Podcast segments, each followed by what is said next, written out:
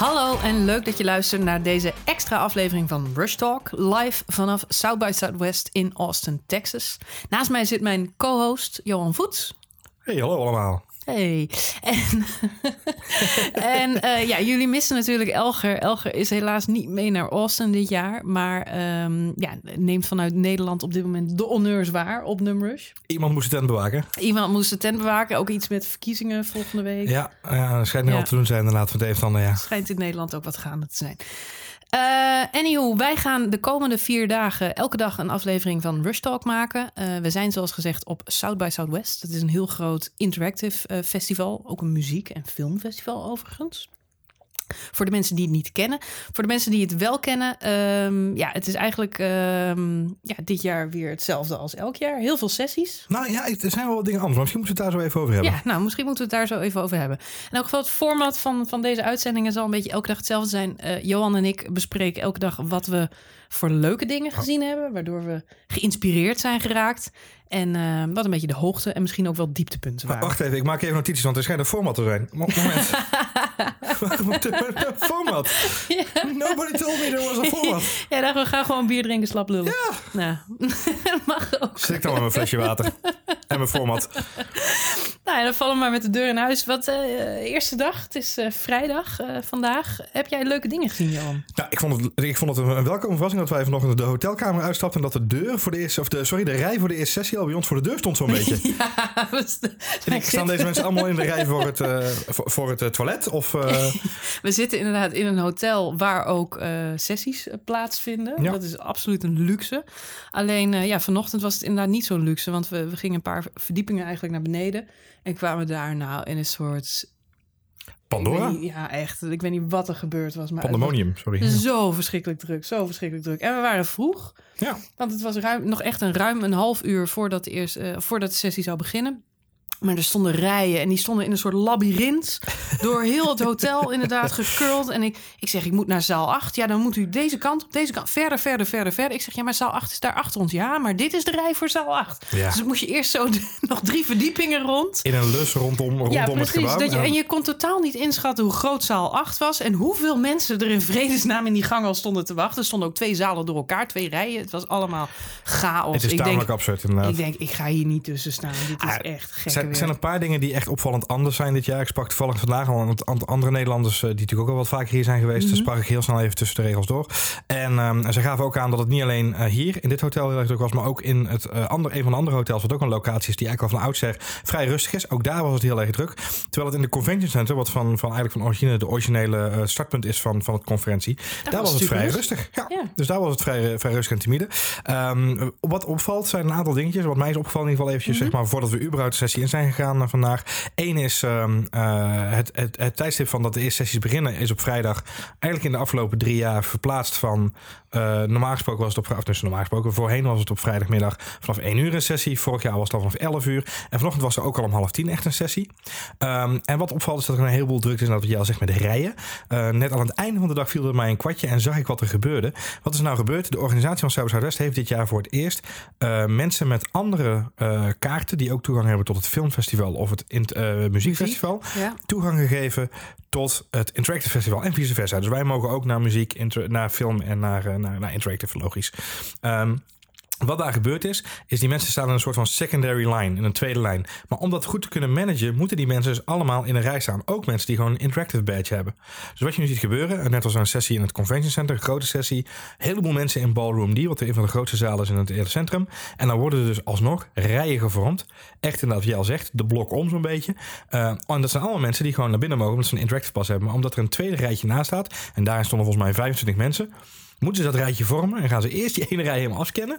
Daar gaan die andere mensen pas naar binnen. Dus ze, ze hebben het zichzelf heel lastig gemaakt. Maar in, in het convention center viel het gelukkig reus mee. Want Ja. we zijn daarna uh, uh, eigenlijk ja, afgehaakt omdat het zo druk was. Toen kwamen we buiten, stonden nog steeds mensen überhaupt al voor het hotel in de rij. Dat is helemaal uh, schokkend. Dus toen zijn we gewoon naar het, naar het beursgebouw gelopen, waar Ja. eigenlijk de grootste zalen zijn.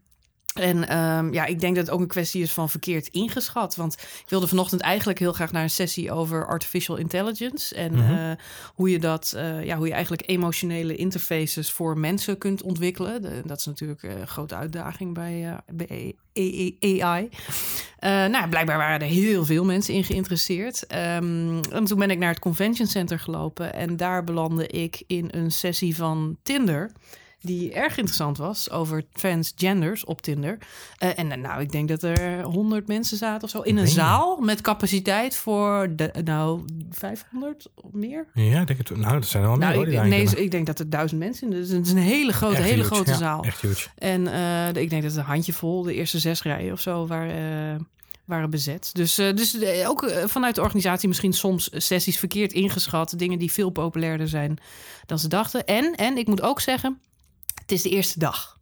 En op de eerste dag van het nieuwe schooljaar heeft iedereen altijd goede voornemens. Er zijn nog geen katers. en iedereen denkt, uh, ik, ga, ik ga erbij zijn. Ik heb zo'n badge gekocht voor, uh, wat is het, 1300 dollar. Dus, uh, dus ik ga wel zorgen dat ik, dat ik niks mis. En, en je merkt dat je, ja, de komende vier dagen zijn er dus ook nog allemaal sessies.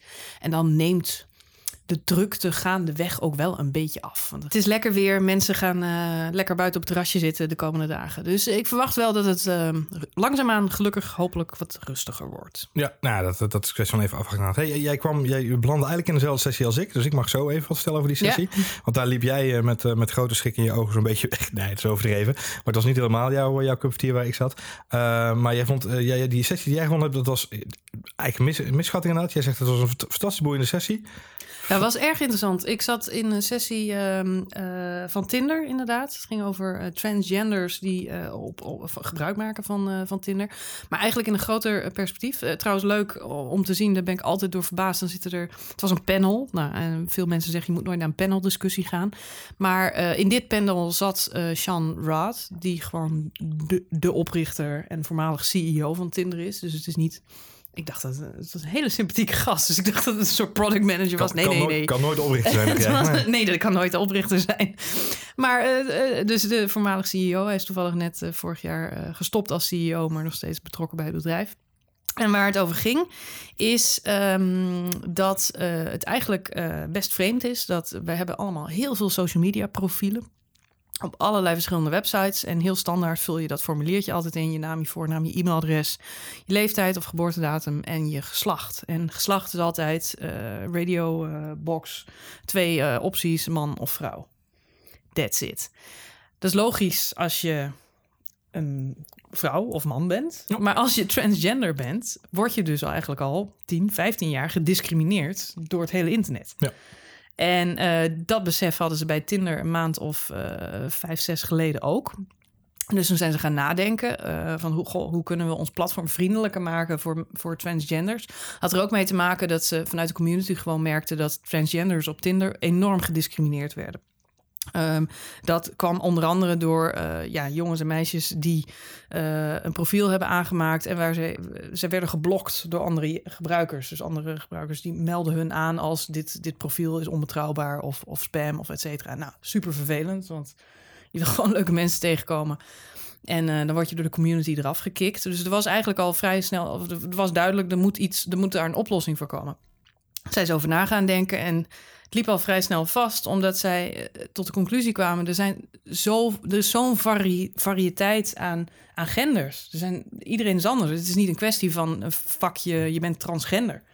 Er zijn mensen die zijn aseksueel. Mensen, jongens die een meisje zijn die homo zijn. En jongens die een meisje willen zijn die hetero zijn. Uh, dus er zijn zoveel verschillende opties. En om al die opties, om, om niet op tenen te trappen, om daar respectvol mee om te gaan, hebben zij de hulp ingeroepen van uh, de GLAAD. Dat is in Amerika een belangenorganisatie die opkomt voor de gelijke rechten van enerzijds LGBT's en anderzijds transgenders. Um, en uh, ja, samen zijn ze gaan kijken naar hoe kunnen we ons platform vriendelijker maken voor, voor specifiek transgenders. En uh, nou ja, hoe pakken we dat aan? En dit is iets wat bij, bij Facebook ook speelt. De GLAAD heeft Facebook ook geholpen met het vriendelijker maken van het platform. En um, ja, bij mij viel echt zo'n kwartje dat ik dacht, jeetje mina man, uh, dat, dat, dat is ah, niet gebeuren. Bij Facebook was het andersom hè? Dat stelde jij ook ja, volgens mij. klopt. Dus, bij dus... Facebook was het... Um, uh, uh, ja, dus de, de, de organisatie is, is zelf op Facebook afgestapt. Van ja. joh, jullie platform is daar niet vriendelijk voor en we moeten daar iets voor ontwikkelen. Bij Tinder is het andersom verlopen. Uh, Tinder is zelf naar deze organisatie toegegaan en heeft gezegd: joh, kunnen jullie ons helpen? Want we willen het goed doen. Ja. En dat, en dat is bijzonder. Vooral, en daar ging de sessie eigenlijk over, omdat. Um, kijk, waar transgenders op dit moment staan in de maats- maatschappij is vergelijkbaar waar, waar homo's en lesbiennes en, en biseksuelen 20 tot 25 jaar geleden stonden. Qua acceptatie. En dat is iets wat ik me niet gerealiseerd had. Er zat een transgender vrouw in het panel. En die vertelde ook, ze zegt, als je, als je homo bent, dan, dan heb je tegenwoordig een hele keur aan tv-series waaruit je kunt kiezen. Weet je, wel? je hoeft Grey's Anatomy maar op te zetten. Je kunt Game of Thrones kijken. In, bij, in bijna elke Hollywood-serie zit tegenwoordig wel een rol voor een, voor een gay character. Op wat, in wat voor vorm dan ook. En het zijn hele normale mensen met hele normale banen. En joh, weet je. Ja. maar dat heeft 20, 25 jaar geduurd totdat we daar zo tegenaan konden kijken. En dat is zo ontzettend belangrijk voor de acceptatie Klopt. van die mensen. Eh, voor, voor jonge mensen, voor kinderen die uit de kast komen, die, die zien dat ze gelijke kansen hebben. Dat, ze, dat ze geen freak zijn, maar dat ze gewoon normale mensen met normale carrière, met normaal toekomstperspectief, met romantische relaties.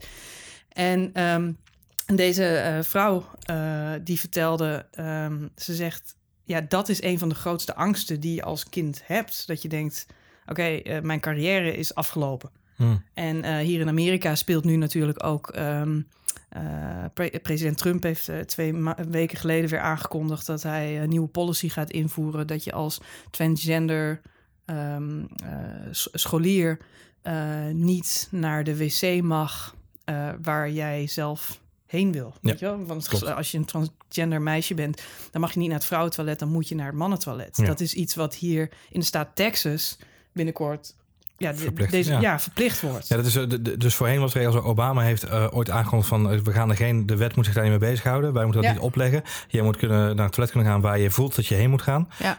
En dat sluit ook heel erg aan bij als je een jongetje bent... die een meisje wordt of is geworden... dat je naar, naar het damestoilet zou kunnen gaan.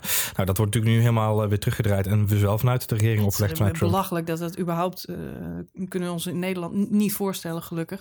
Maar de, de mensen moeten dat zelf kunnen bepalen. Ja. Waar je naar, hoe je je voelt, daar ga je naar het toilet. Daar heeft de overheid geen, geen donder mee te maken.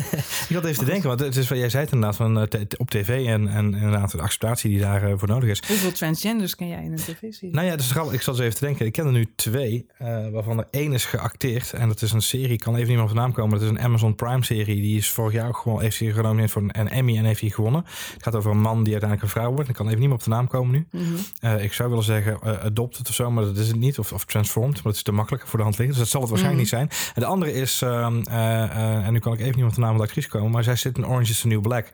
Ja, op Netflix. Dat werd ook genoemd. Oké. ja. Dat, die sessie, dat werd ook genoemd tijdens, eh Ja, tijdens en, en natuurlijk onderaan de streep uh, Meza uit uh, Goede Tijden, Slechte Tijden. nou, dat is, uh, maar dat is een Hollands voorbeeld, ja. Hollands voorbeeld. Ja, ik, ben, ik, heb, eh, ik heb er een stuk over geschreven op Fans. Uh, lees dat vooral even, want dan, uh, dan lees je het hele verhaal. En ik realiseerde me tijdens het betoog inderdaad wel... kijk, het is heel goed dat wij in Nederland überhaupt programma's hebben als uh, geslacht. Meest recent. Ja, hij, hij is een zij, hij is het zij, andere ja. programma ja. geloof ik. Um, Holland's Next Topmodel is gewonnen Mhm. door een transgender meisje. Ja. Um, en, en, en ja, goed, dat, dat is natuurlijk uh, wat jij al zegt. In Nederland zijn we daar iets toleranter in... maar, maar er is ook nog steeds wel een lange weg te gaan. Ik, ik moet als, je, beetje... als je dit nu hoort, dan denk je... goh, ik heb inderdaad in interface design nog nooit daarover nagedacht. Nee. Dat dat heel kwetsend is, dat je een formuliertje invult. Ja, we hebben zelf een app gehad, Footsie. Ja. Of, of nog, nog steeds een app, kun je voor aanmelden. En um, dat je daar moet invullen dat je een man of een vrouw bent. Terwijl, terwijl je denkt van ja, we houden eens even. Ik, Ja. ik ben niet anders. En, Ja, het, is, het geeft, maar het geeft, het zijn wel het, voor mij zijn het ook altijd de momenten waarop ik me realiseer hoe jong het internet nog is eigenlijk. En hoe het nog in zijn Ja. puberteit staat qua, qua Ja. interface zijn, hoe we dingen benaderen en hoe we dingen met elkaar oppakken. En, Ja, wat, wat mij trouwens zelf heel erg aansprak, vooral ook aan die GLAAD, de Gla- GLAAD, die, die associatie. Ja. Die wordt gerund. De andere panelist was de CEO van die organisatie. En die dame die heeft een eh, flinke carrière gehad bij Condé. Het bekende uitgever, onder andere Vogue, eh, helemaal eh, weer succesvol gemaakt. Simple Life, een aantal bekende magazine titels heeft zij ja, nieuwe formules voor gelanceerd. En ehm, wat zij zei en waar zij heilig in gelooft, is de kracht van media om, om beelden die wij hebben over minderheden, om dat te veranderen. En daar ben ik, daar ben en, en dat vind ik zo mooi aan de Amerikanen. Dat is echt, en we komen zo nog op een andere sessie die ik vandaag zag over de Amerikaanse verkiezingen. Maar dat zij, dat zij daarvan, dat zij zich dat beseffen. dat media zo'n enorme rol speelt. En als wij met onszelf allemaal bewuster worden, meer van dit soort programma's gaan maken, Ja. eh, eh, apps, dating apps als Tinder, eh, gaan op die manier gaan aanpassen dat transgenders zich daar ook thuis voelen.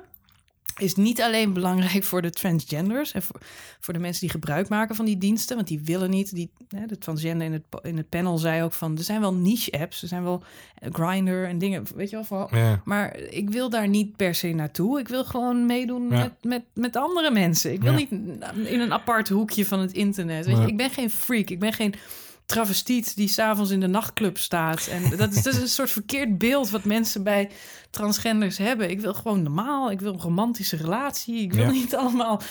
eh, nou ja, en, en het feit dat, dat, dat, dat, dat die kleine aanpassingen ervoor zorgen dat transgenders zich meer thuis voelen in de maatschappij is belangrijk. Maar anderzijds zorgt het er ook voor dat mensen, dat normale mensen tussen aanhalingstekens, ook eh, dit gaan accepteren. Ja. En eh, is ja, dat, dat, vind ik, dat vond ik erg sterk. Eh, Ja. Sarah Kate Ellis heet eh, de dame van, eh, van, van Glad. Ehm, maar eh, kijk vooral even mijn, eh, mijn stuk op eh vans.nl hierover. Want ehm, ja, ik vond het een eh goede insight. Dus Ja. eh, cadeautje. Eh, bedankt eh, dat de rijen zo druk waren bij Artificial Intelligence. ja, dat is eh, nu heb ik een, een, eh, een, een een leuke bekend, sessie van, eh, van Tinder gehad. een bekend Nederlands sportfilosoof zei ooit... elk voordeel heeft zijn ijdel. En eh andersom eigenlijk moet ik zeggen. Nadeel heeft zijn Andersom, voordeel. In dit geval was het een andere Johan die, eh, die die uitspraak maakte. Maar ehm, nee, ik denk, dat dat, een, dat, zijn, dat zijn de cadeautjes die Ben je je ook naar eh. vernoemd, toch? Eh, Zou zomaar kunnen, ja. Zou ik zo even checken. God, hey, en ja. eh, wat eh, zag jij voor leuks? wat was jouw cadeautje? Nou, mijn cadeautje is... ehm, eh, nou, ik had twee cadeautjes. Maar het, het, de sessie die ik ook op Vans.nl eh, eh, heb geschreven... is een sessie over ehm, het basisinkomen. En daar wil ik het eigenlijk heel kort over hebben. Omdat het inderdaad... Als je het gaat uitleggen, wordt het een hele droge materie. Ik denk dat je het even rustig moet lezen en er even rustig over verder in moet duiken. Want dat is hetgeen wat mij ook weer verder heeft gebracht. Het is in Eh, Nederland heel actueel nu. hè. Er zijn een aantal politieke partijen die in Nederland ook voor het basisinkomen pleiten. Nou, niet zozeer pleiten, maar wel experimenten. Want het is een beetje, dat, eh, ik heb het nog even nagezocht inderdaad. Eh, de meeste politieke partijen hebben natuurlijk wel gemerkt... in Nederland is natuurlijk heel veel problemen met het persoonsgebonden inkomen. en voor het persoonsgebonden budget, sorry. Mhm. En... ehm, eh, eh, ook het, het experimenteren met het basisinkomen. Eh, dus er zit wel een soort van terughoudendheid nog in Nederland. Zeker in de politieke partijen met de verkiezingen die eraan zitten komen. Zijn ze toch Er allemaal zijn wat- er maar, er zijn maar een paar partijen voorstander voor. De SP, denk ik. En, eh, Eh, uit mijn hoofd SP, de Piratenpartij, Partij voor de Dieren. Eh, maar die zeggen allemaal eh, voor, voor experimenteren. Er is geen enkele partij die op dit moment in zijn partijprogramma hard zegt... we gaan ervoor. Ehm, wat ook logisch is, want de ontwikkeling is heel erg... als het gaat om, op het basisinkomen, is gericht op experimenteren. Mhm. Dus we zien nu, eh, op, in Finland zijn er nu 2000 mensen... eh, krijgen elke maand een, een vast inkomen. Eh, een Zijn- basisinkomen. Zijn dat per definitie arme mensen? Nee, volgens mij is het nu in. in, in eh, ja, er, er ligt een, een, een norm, een, een, deadline van een, een nullijn eh, van mensen. Ehm, dat is grappig, daar kom ik zo even op terug. Maar er, is een, er wordt een basislijn Mhm. gedefinieerd. Mensen die onder dat inkomen zitten, daarvan wordt het inkomen eh, aangevuld met een basisinkomen. Ehm, en in Finland zijn ze daar nu met 2000 mensen mee aan het experimenteren. Ehm, Mhm. In eh, Zwitserland hebben ze er recent over gestemd. De stemming daarvan was nee, gaan we niet aan beginnen. Ehm, en in eh, Nederland, ja, en de discussie erover. Obama, voordat hij wegging als president, heeft de discussie in Amerika nog aangezwengeld. Ik denk dat hij nu even plat zal worden geslagen door al het andere wat er speelt. Maar wat leuk was dat er nu twee Amerikaanse mannen zaten. Eh, eentje vanuit een, een grote Amerikaanse denktank, eh, Cato. Eh, niet de, als, niet de, de sidekick van de Green Hornet, maar in dit geval Cato, de, de onderzoekstank. Ehm, en eh met hem op het podium zat, eh, eh, het waren twee Michaels, Michael Tanner en Michael Fay. En Michael Fay is de, de CEO van Give Directly. En Give Directly is een initiatief wat echt iets heel erg stoer aan doen. is. Die zijn namelijk gewoon aan op groot gaan aan het experimenteren in Kenia. En dat is eigenlijk voor mij wel de crux van het hele verhaal. Want het hele basisinkomen is natuurlijk een discussie die vaak wordt gevoerd rondom het terugdringen van armoede in landen. Eh, nou, wat, wat zie je dan dus inderdaad? Eh, die man van Keto, die dus hier in Amerika aan het denktank zit, die zegt: op dit moment zijn er misschien wel eh 100 plus initiatieven in Amerika rondom het eh, bestrijden van armoede. Daar stoppen we elk jaar misschien wel honderden miljarden in. Als je neemt, niet misschien, dat weten we gewoon. Daar stoppen we honderden miljarden dollars in om armoede te bestrijden. Maar wat zien we onderaan de streep? De armoede in Amerika daalt niet of nauwelijks. Met andere woorden, ze stoppen een heleboel geld en een heleboel initiatieven die het niet opleveren. En die jongen van Give Directly zegt, nou, dat is wat wij ook zagen. We zagen ook dat er een heleboel wordt gedaan met, met initiatieven om armoede te bestrijden. Maar daar we even richting naar derde wereldlanden, waar echt armoede, armoede geldt. Ik weet dat het niet zo zwart is als ik het nu probeer duidelijk te maken, maar dat vergeef me het even voor deze, voor deze uitleg. Um, hij zegt, wat wij gedaan hebben, is gewoon geld opgehaald in een, in een fonds. En dat geld gaan we de komende 12 jaar, zijn in 2010 begonnen, dus nu nog vijf jaar, tot aan 2022. De komende 12 jaar gaan we in een dorp in Kenia, gaan we 6000 mensen gaan we uh, elke maand een basisinkomen geven. Uh, en daarop aangevuld uh, nog een groep van 20.000 mensen rondom het dorp, die we op andere manieren een basis goed gaan geven. En die mensen hebben dus een, een, een, vaste lijn inkomen. En ze willen eigenlijk in die, in, die, in die 12 jaar gaan meten, wat is nou de impact als we het echt op die schaal gaan doen in dat soort landen. Ja, ik vond het een fascinerende sessie. Uh, het begon echt heel droog en ik was echt heel bang van, oh jee, dit kan zomaar alle kanten op gaan. uh, viel gelukkig reuze mee. Had het nog iets met tech te maken eigenlijk? Want het klinkt uh, uh, economie. Het is, econo het is politiek-economisch inderdaad. Ja. En dat, is, uh, dat, was mijn, dat was mijn verrassing aan het einde van de dag. Want toen dacht ik naar een sessie te gaan over drones. En dat ging helemaal over de regulering rondom drones.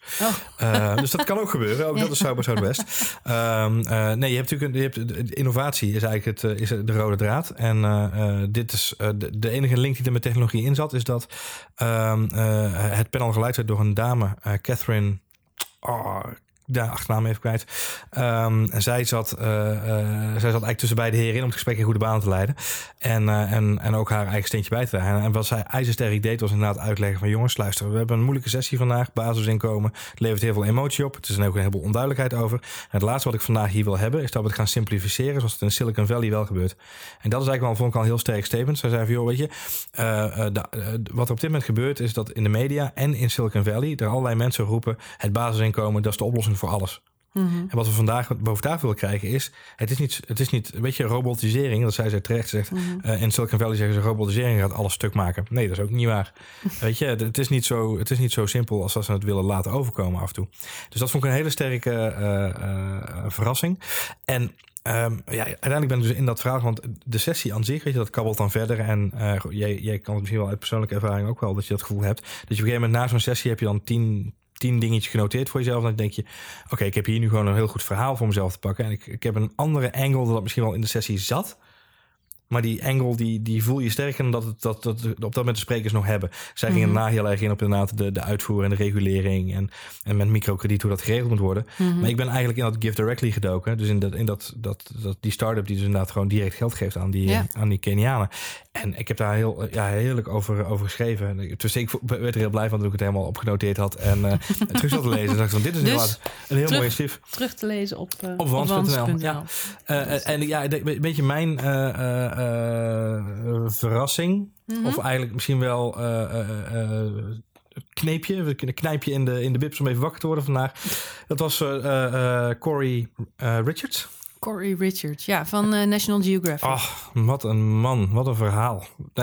Anders niet, niet, niet, zeggen, wat een man. Laat ik dan zeggen, man, man, man, wat een verhaal. Ja, zo moet je het eigenlijk zeggen. Het was heel grappig, want uh, om, uh, dat was om twee uur vanmiddag. En uh, dan moet ik bij zeggen, om twee uur s middags is elke dag de keynote uh, speaker. Dat was hij inderdaad. En uh, er zijn op dat tijdstip niet zo heel veel andere sessies waar je uit kunt kiezen. Um, en, en dat heeft ook te maken met het feit dat dit vaak wel de inspirerende sprekers zijn waar iedereen naartoe wil. Er zijn ook zalen waar je de livestream van zo'n sessie kunt bekijken. Dus, maar wij zaten in de zaal waar hij, waar hij stond. En ik keek daar heel erg naar uit, omdat um, ja, fotograaf van National Geographic en uh, Mount Everest beklommen. Als National Geographic, iedereen weet, fantastische foto's, schitterend. Dus ik ging daar zitten eigenlijk met de verwachting dat er een heel inspirerend verhaal zou komen over ja, travel photography en, en reizen en, en creativiteit en de, de diepere betekenis van. Uh, ja, van, van de schoonheid van de wereld. Ja. Nou, ja, en de publicatie daarvan in de media. Heb je ook gekregen? Ja. Ja, uh, alleen wat inderdaad de verrassing was, en dat, dat bleef wel, uh, waren met een aantal andere mensen en die zeiden na afloop allemaal pff, heftig. Omdat uh, wat hij deed het is heel, hij begon de sessie met uh, I'm not a great public speaker. Dus uh, ik ben, hij was ontzettend zenuwachtig. Dus ik dacht, van, hoe komt hij nou? Nou, dat is natuurlijk de, de understatement van de dag. Want die gast was een begenadigd public speaker. Ik denk dat we in Nederland niemand hebben die zo op die manier een verhaal kan vertellen. Dat deed hij genadeloos. Ja. Um, en wat hij, wat hij eigenlijk deed, is um, hij vertelde over zijn uh, beproevingen. Uh, hoe hij inderdaad altijd al bezig was met bergbeklimmen, met buitenleven, met reizen. En gaandeweg ja, een functie als fotograaf bij, bij National Geographic wist te bemachtigen. Maar daar doorheen geregen um, zat eigenlijk een heel triest verhaal van wat er allemaal misging in zijn leven. En dat begon al op vroege leeftijd. Hij had een hoog intelligentieniveau, uh, sloeg daardoor drie klassen over. Maar dat wraakte zich eigenlijk later doordat hij um, aan de drugs raakte, uh, vervelende dingen ging doen. Door zijn ouders in een heropvoedkamp werd gezet voor acht maanden, waar hij drie keer wegliep, waar die, wat verschrikkelijk was natuurlijk. Um, dus hij had al op jonge leeftijd een, wrange start. En uh, dat, dat, dat was een soort terugkerend verhaal van waar het steeds weer misging. Hij, hij werd later alcoholist. Hij dronk veel te veel. Hij wist geen maat te houden. Um, en dat in combinatie met zijn, met zijn reislust uh, en, en de dingen die hij meemaakte. Mount Everest, fantastisch verhaal over hoe hij die top bereikte.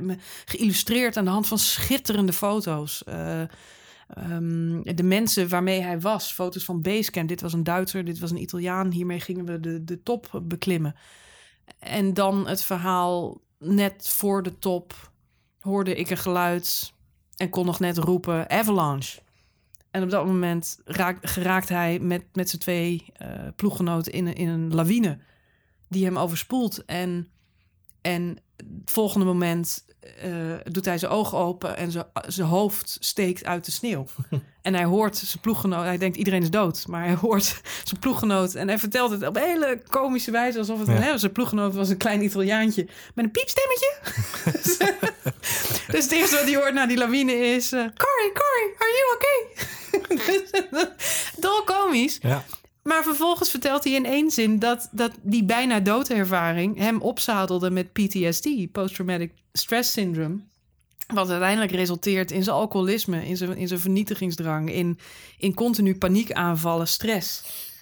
Uh, en dit voor een jongen van, van 35. Uh, ja. ja. die, die, dus het, het verhaal was intrigerend en, en, en indrukwekkend, omdat het een verhaal is van enerzijds ja, een, een man die een, een wereldbaan heeft, die, die, waar iedereen jaloers op is, waarvan je denkt: God, wat, wat een inspirerend persoon. Die eigenlijk zegt: Ik ben een mislukking op zoveel vlakken. Ik ben een alcoholist, uh, ik ga vreemd, uh, mijn huwelijk is kapot. Mijn baan, mijn bedrijf Ik heb mijn vrouw ja. verdriet gedaan, ik doe mijn familie continu verdriet. Ja.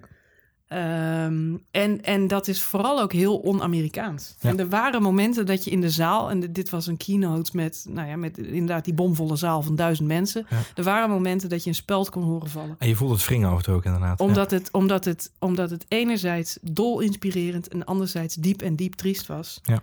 Um, en dat, dat, dat, was, dat was heel dapper. Vond ik Zijn rode draad was eigenlijk constant, en dat, dat kwartje valt nu een beetje na. Het was constant eigenlijk de schaduwkant van hetgeen dat hij naar buiten toe presenteerde. Ja. Hij liet ook zien de foto die hij gemaakt had. Het was, het was op naad met die lawine, de foto die hij gemaakt had.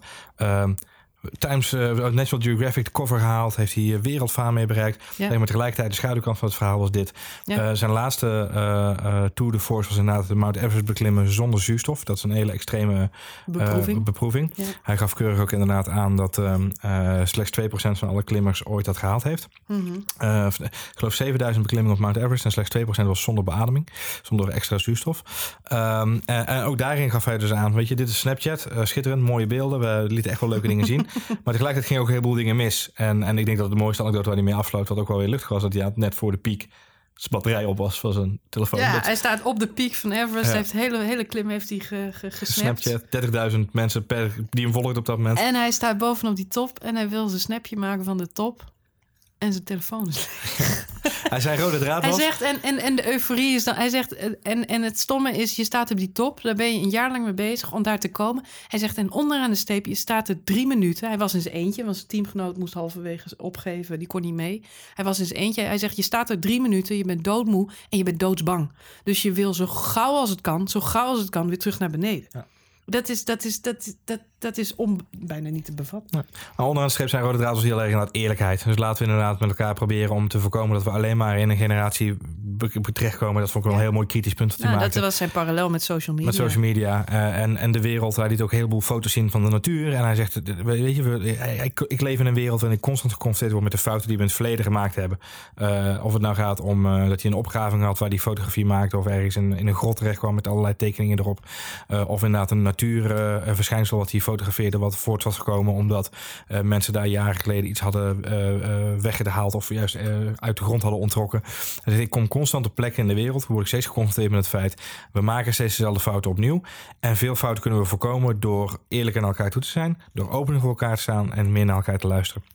Ah, en daar kreeg je ook de handen wel mee op elkaar uiteindelijk. Het grappige is, ik zei het net al even tegen jou toen we, toen we eh, terugweg eh, eh, daar de zaal liepen. Toen zei ik al tegen jou, heel erg grappig dat een, een, een jongen die vertelt over fotografie op de bergen... zo'n verhaal met zoveel pieken en dalen maakt. Ja. Dat, dat verzin je niet van tevoren. was, ja. Nee, het was echt inderdaad, het was een Ja. verhaal met... oh, kijk eens wat een mooie foto's, hier sta ik, schitterende avonturen.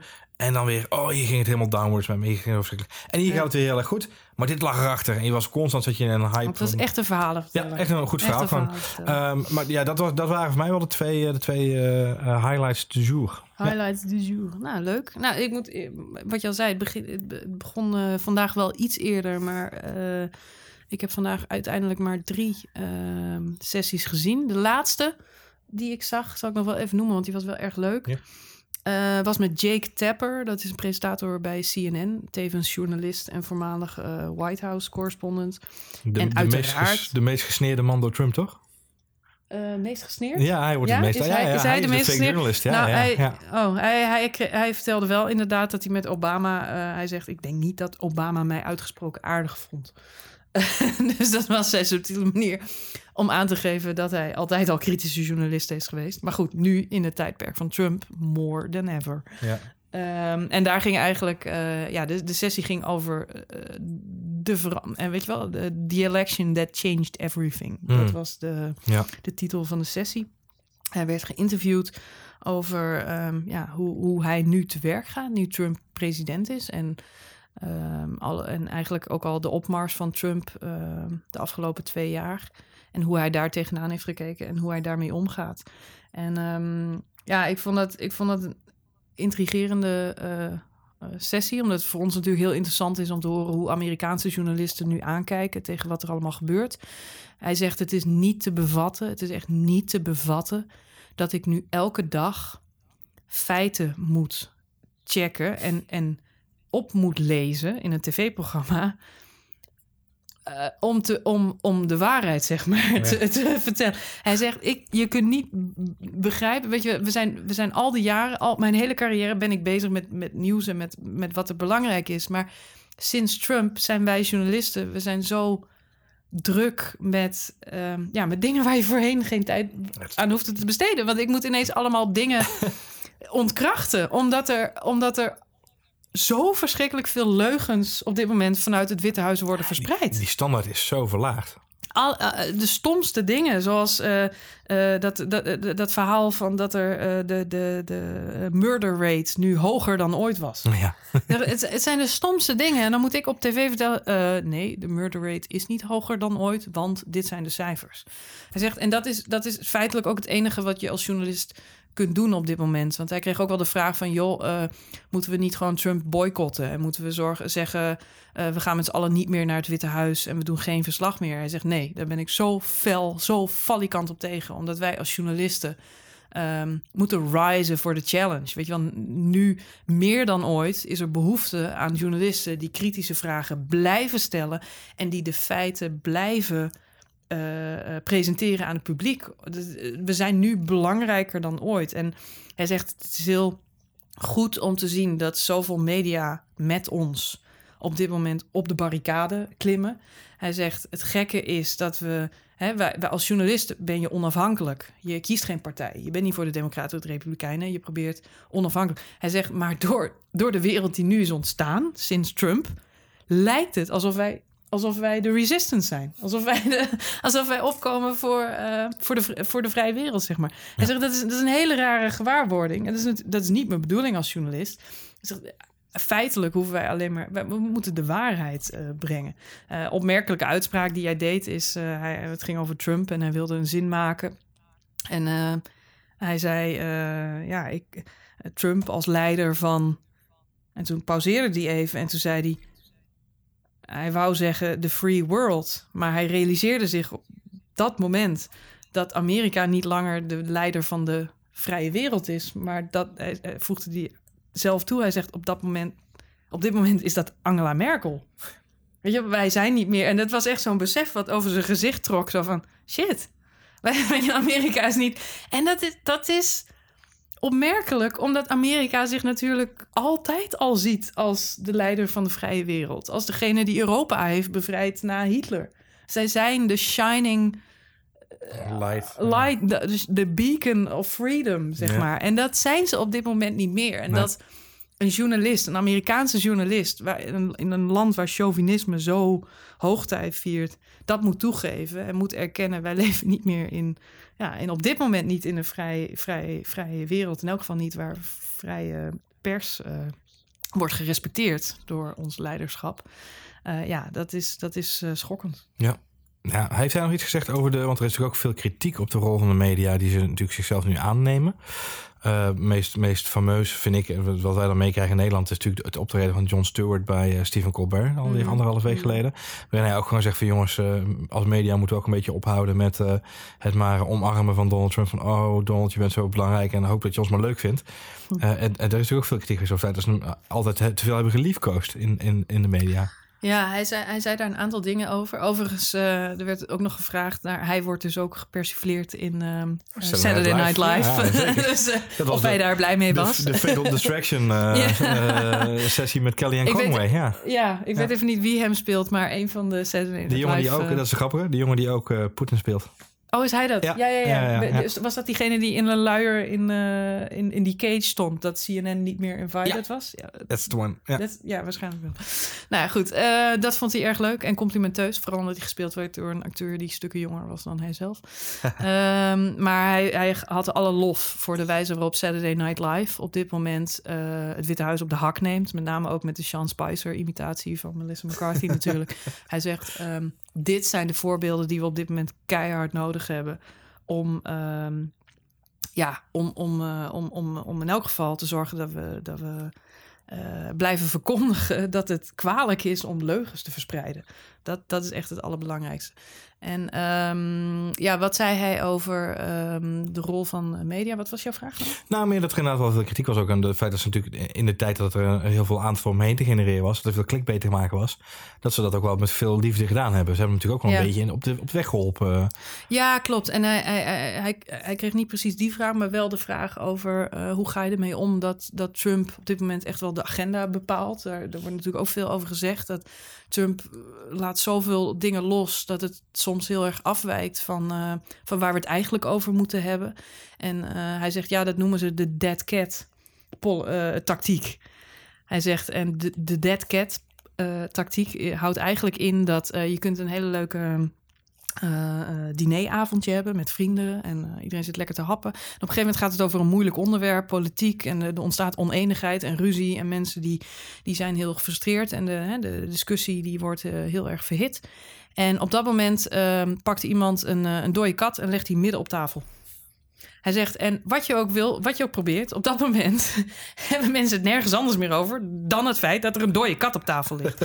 en um, hij zegt, Donald Trump is heel goed in het op tafel leggen van dode katten. Ja. En dat doet hij continu. En het is aan ons journalisten om daar uh, ja, toch doorheen uh, te prikken. En ook de onderwerpen te agenderen die, ja, die, die, die, ja, die niet uh, door het Witte Huis worden geagendeerd. Ehm, het klimaat wordt gewoon simpelweg genegeerd. Van de kaart geveegd, ja. Ja, dus daar, de, de eerste actie van Trump was eh, alle pagina's op de website van het Witte Huis over klimaat. Die zijn verwijderd. Ja. Met andere woorden, het is geen agendapunt.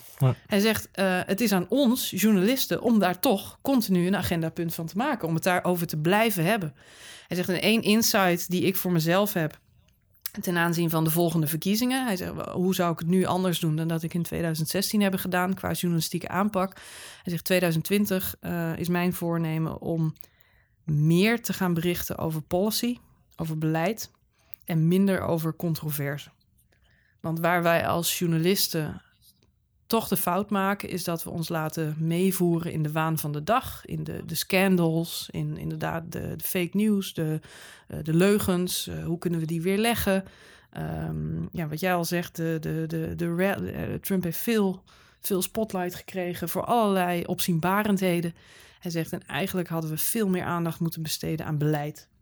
En Hillary Clinton had bijvoorbeeld een heel beleid, echt een boekwerk geschreven over drug abuse. En dan bedoel ik niet alleen eh, eh, verdovende middelen, maar met name medicijngebruik in Amerika is Mhm. een enorm probleem. Ja. En zij heeft daar een heel beleidsplan voor geschreven hoe ze dat zou aanpakken. Eh, Donald Trump had één bullet point in zijn hele, in zijn hele plan of zo. Ja. Dus met andere woorden, sommige dingen, sommige politici kaarten issues aan. En andere eh, politici zeggen dat het probleem überhaupt niet bestaat. Ja. En, en dat is waar wij journalisten het over moeten hebben. Ja. Wij moeten de agenda bepalen. En dat moeten we niet laten bepalen voor, do- door de politici zelf. En ik denk dat dat een hele wijze les is voor Nederlandse journalisten. Zeker. Ook namens mezelf sprekend. Maar ik denk dat we daar nog iets van kunnen opsteken. Ja. Helaas komt het misschien voor ons eh, net te laat. Want de verkiezingen zijn al eh, Alweer aanstaande. aanstaande woensdag. Maar eh, ik denk dat we in Nederland ook wel kunnen spreken van een eh, Ja. oppervlakkig eh, debat rondom de verkiezingen. Ja. Deze verkiezingsstrijd.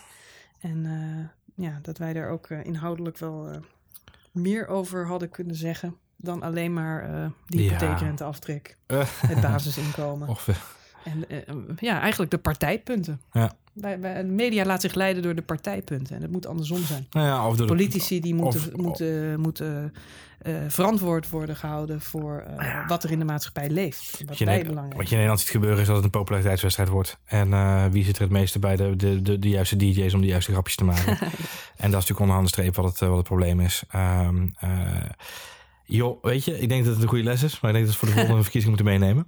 Ik, ik hoor in de vechten hoor ik iets. En het, ik hoor een biertje roepen.